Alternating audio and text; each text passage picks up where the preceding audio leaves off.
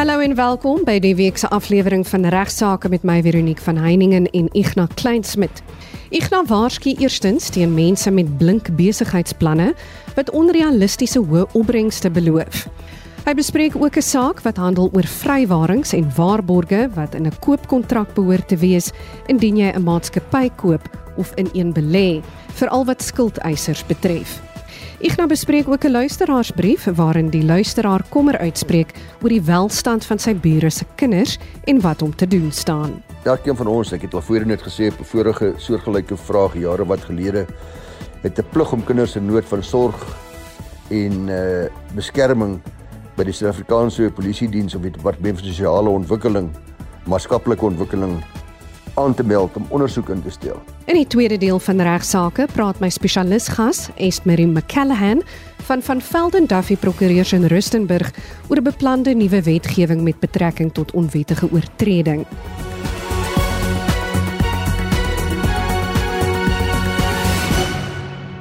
Ek verwelkom nou vir Ignas Kleinsmid wat die program afskop met 'n waarskuwing teen mense met blink besigheidsplanne wat onder meer onrealistiese hoë opbrengste beloof. Môre, môre aan almal. Ek kan nie glo gister is dit amper verby nie en een van die dae is dit weer heerlike lente, die winters verby. Nodig die velde vir jou en vir my. Ag, wat 'n lekker maand, September maand nie, maar baie dankie dat jy ingeskakel is. Ek wil vandag maar eerstens weer waarsku teen mense wat blink planne het blink besigheidsplanne en uh, daai mense lyk gewoonlik ook baie keer so 'n bietjie blinkerig, baie keer dik blink kettinge om die nek en 'n uh, knoets van 'n paar goue ringe aan die vingers ensovoorts. Uh, nou wil ek nie dadelik mense beledig as jy almal wat kettinge dra en, en groot ringe het is skelms nie, maar maar wees maar versigtig vir mense wat vir jou te blink lyk. Jy word genader deur so iemand met 'n blink besigheidsplan. Hy ken iemand wie se beeste verkoop En hy weet toevallig ook van iemand wat dringend op soek is na beeste. Hy deel sy planne om beeste te koop en te verkoop teen 'n stewige wins. Maar daar's net een probleem. Hy het nou die kapitaal om die beeste te koop nie en hy kom na jou toe, hy het wel 'n maatskappy waarin hy al hierdie soort transaksies mee doen en hy oortuig jou met vers en kapittel dat jy dadelik jou swaar verdiende geldjies moet belê en dat jy 'n deel van die wins kry sodra die koper aan die koopsom nou oorbetaal, al wat jy moet doen is om die geld voor te skiet om intussen die beeste te koop. Nou jy sien hierdie geleentheid om jou pensioen selfkies te verhoog, onttrek 2 miljoen rand uit jou beleggings en betaal dit oor aan jou nuwe vennootse maatskappy. 2 weke later, jy hoor niks van hom nie. Hy is net soek. Antwoord jy sy foon nie. Foon bestaan nie meer nie. Nog 2 weke later kom jy agter die nuwe vennoot was absoluut bankrot. Op die stadium toe hy die geld aan sy maatskappy oorbetaal het, uit land uit gevlug. Sy maatskappy se bankrekening is dol leeg en die beeste was nooit inderdaad aangekoop nie. Nou luisteraars, dit is min of meer die feite van 'n saak wat onlangs in die Wes-Kaapse Hooggeregshof beslis was. Die saak van Gore NO en ander versus Ward en ander 2022 en daar is 2 All SA 178 WCC Wes-Kaap. Nou die maatskappy se bankstaat het gewys dat hierdie geld groot deel van die geld gebruik was om persoonlike skuldenaars, aan die ander skuldeisers, persoonlike skuldeisers van die bankrot vernoot te betaal. En nou hy vat die 2 miljoen wat in die maatskappy is en hy die maatskappy se rekening betaal hy nou sy eie skuldeisers wat hy persoonlik aan geld verskuldig is. Nie maatskappy skuldeisers nie. Die skuldenaar het natuurlik geweier of hierdie skuldeisers wat hy betaal het, het nou geweier om die geld in die maatskappy terug te betaal en gevolglik word er nou 'n aansoek gedoen deur ons arme persoon wat gevang was deur hierdie slim triek dat hy nou artikel 96 bepaal in 'n netedop van die insolventie weer dat enige betalings of verskikkings van 'n insolvent deur hof tersyde gestel kan word. Indien die insolvente persoon geen waarde in ruil vir die betalings gekry het nie en die laste van die insolventie bates oorskry onmiddellik na die betaling.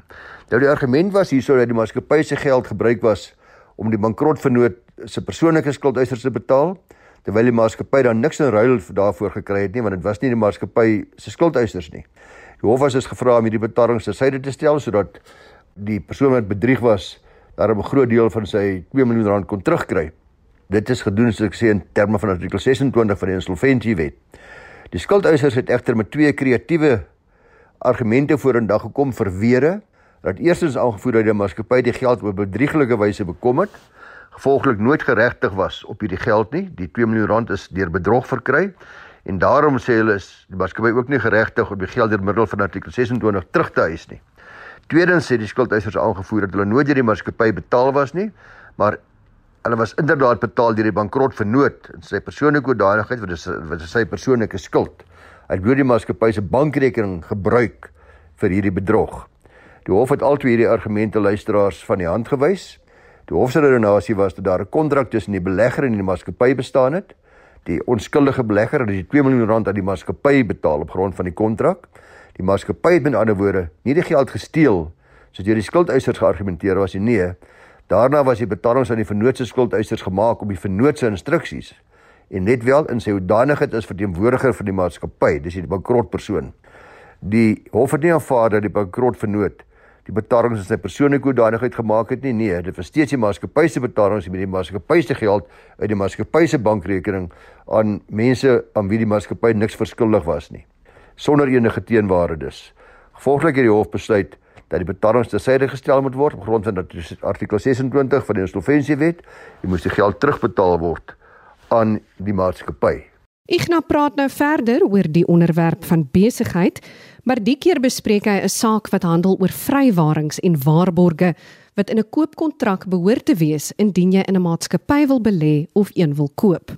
Terwyl ons besig is met bedrog wat gepleeg is in 'n maatskappy, is daar nog rooi ligte wat behoort te flikker wanneer 'n mens wil besig gedoen met 'n maatskappy veral luisteraars moet moet seker maak van wie die skuldeisers van 'n maatskappy is wanneer jy wil belê in 'n maatskappy of 'n maatskappy wil koop.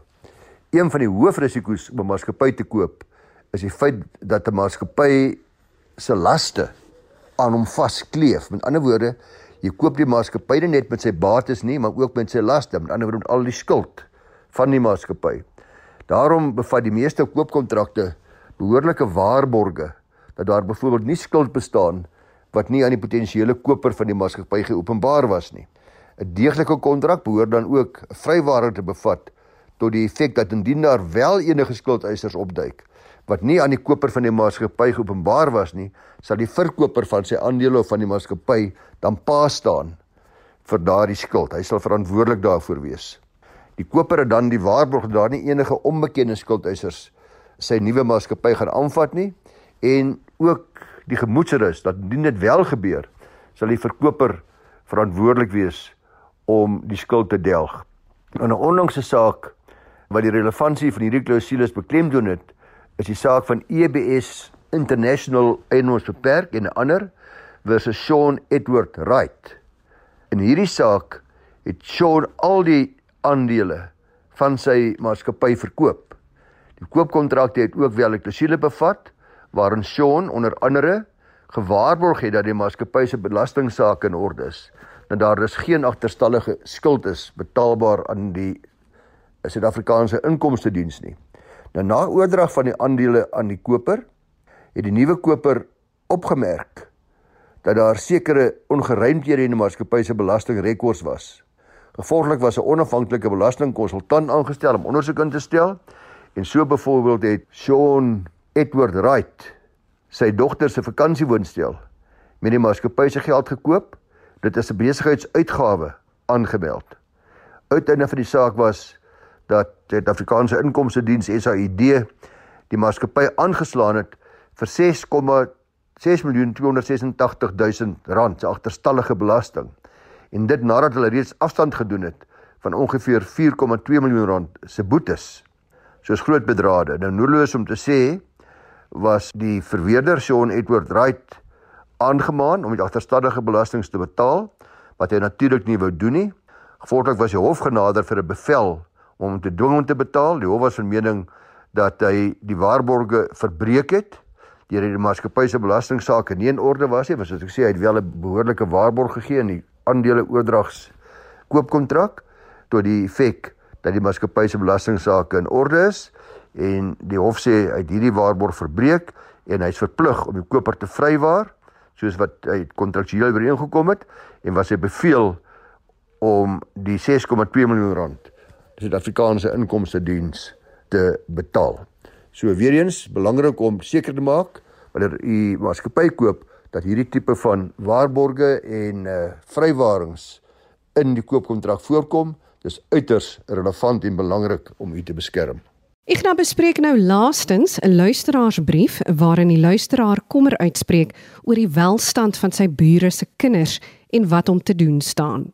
Luisteraars, ek ontvang 'n hartseer brief van 'n luisteraar wat sê hy is uiters bekommerd oor wat by sy bure se huis in die gang is.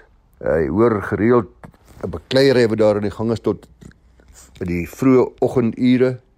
Hy wil nie afluister nie, maar hy kan hoor hulle is as altyd baie harde musiek, daar's gereeld partytjies wat baie erg klink en uh daar's jong kinders, klein kindertjies by die bure. Dis duidelik vir hom as hy hulle sien dat hulle blou kolle of kneusplekke het op plekke en uh hulle lyk uitgeteer, hulle lyk verwaarloos. So wat hom betref is die huislike omstandighede besig om vinnig agteruit te gaan en alhoewel dit 'n redelike buurt is, glo hy dat daar probleme is met die manier wat die kinders grootgemaak word en wat staan om te doen. Nou, eh, luisteraars, elkeen van ons, ek het al voorheen net gesê op 'n vorige soortgelyke vraag jare wat gelede, het 'n plig om kinders in nood van sorg en uh beskerming by die Suid-Afrikaanse Polisie Diens of die Departement van Sosiale Ontwikkeling, Maatskaplike Ontwikkeling aan te meld om ondersoek in te stel. Natuurlik is jy as Jan Alleman vertroud in hierdie plig en besluit jy om jou bure dus aan die Suid-Afrikaanse Polisie diens te rapporteer en wat nou? In die omstandighede waar die departement of die polisie dan inligting ontvang wat daarop dui dat die kind in nood van sorg en beskerming is, dat daar 'n behoefte is aan behoorlike sorg, dat daar werklike probleme is, sal die departement maatskaplike werkers soontoe stuur om ondersoek in te stel na die omstandighede Hierdie ondersoek behels dat die ondersoekbeampte die kind se skool sal besoek, die huis sal besoek, 'n verslag sal saamstel en uh alles sal doen wat nodig is om seker te maak dat die kind wel in nood is al dan nie. As dit duidelik is dat daar wel beskerming of sorg nodig is, dan uh sal die maatskaplike werkster die kinderhof nader. Die kinderhof is 'n spesiale forum waar die beste belange van die kind beskerm word en wat gebaseer is daarop dat bevinding gemaak is om na die kind om te sien. Die hof sal dan baie noukeurig monitor of daar verder ondersoek ingestel moet word al dan nie. Dikwels sal hulle 'n paar vrae nog vra wat aan die maatskaplike werkster gestel word tydens die kinderhof se ondersoek en die verrigtinge en dan sal hulle ook soms die redes vir hul bevinding moet uiteensit. Onder andere sal die bevindinge 'n aanduiding aan die hof wees of die kind uit sy of haar omstandighede verwyder moet word of nie. Alles sal afhang natuurlik van wat die kind se beste belang is. Nou hierdie klink dalk soos 'n tydsame proses en die vraag is dan wat sal gebeur onder hierdie omstandighede of dit nie vinniger opgetree kan word waar dit duidelik is dat daar onmiddellike nood is nie. Nou indien die maatskaplike werkster dan of selfs 'n polisiebeampte by jou bure se huis opdaag en die ouers lê daar byvoorbeeld bedwelmd word uitgepaas met 'n P A S, nie die uitgepaas met of dit 'n erkende Afrikaanse woord is, vra maar net. Of hulle lê daar met dwelm van die drank of dwelms is dit duidelik dat daar probleme is, daar word dwelms vir die kinders gebruik, die middels is skaamteloos oorals duidelik in die huis, dan sal so 'n beampte dadelike bevinding kan neem en onmiddellike aksie kan neem. In sulke drastiese gevalle waar die kind se lewe in onmiddellike gevaar is of daar duidelike aanduidings is dat daar onmiddellike nood is, kan so ondersoekbeampte in die besigheid van 'n hofbevel voortgaan om die kind uit die ouers se sorg te verwyder en na 'n plek van veiligheid te neem. Dit gebeur dan gewoonlik wanneer die vertraging om 'n wolfbevel te bekom die kind se lewe en welsyn uh, in dringende gevaar sal stel. Die maatskaplike werker of werkster sal egter genoodsaak wees om die aangeleende die daarop volgende dag voor die kinderhof te bring op die gronde van dringendheid en vra dat die hof dadelik interim verligting toestaan totdat die aangeleentheid op die normale wyse gefinaliseer kan word. Dis interim bevele maak. So onder watter omstandighede as julle biede se kinders dalk in ons luisteraars se geval verwyder kan word? Daar's 'n lys van faktore wat bepaal of 'n kind in behoefte van onmiddellike sorg of beskerming is wanneer die kind mishandel word by die huis. Hierdie mishandeling sluit in fisiese, verbale of geestelike mishandeling. In hierdie geval is daar merke, blou kolle ensovoorts. Alles dui daarop dat daar wel moontlike mishandeling is. Wanneer die kind verwaarloos of ondervoed word, dis ook wat uh, ons luisteraars sê of blootgestel word aan alkohol of dwelms of seksuele misbruik wanneer die kind nie opgepas word nie, met ander woorde alleen gelaat word bedags op eie genade gelaat word, wanneer die kind omstandighede lewe wat sy of haar fisiese, geestelike of sosiale gesondheid skade kan aandoen.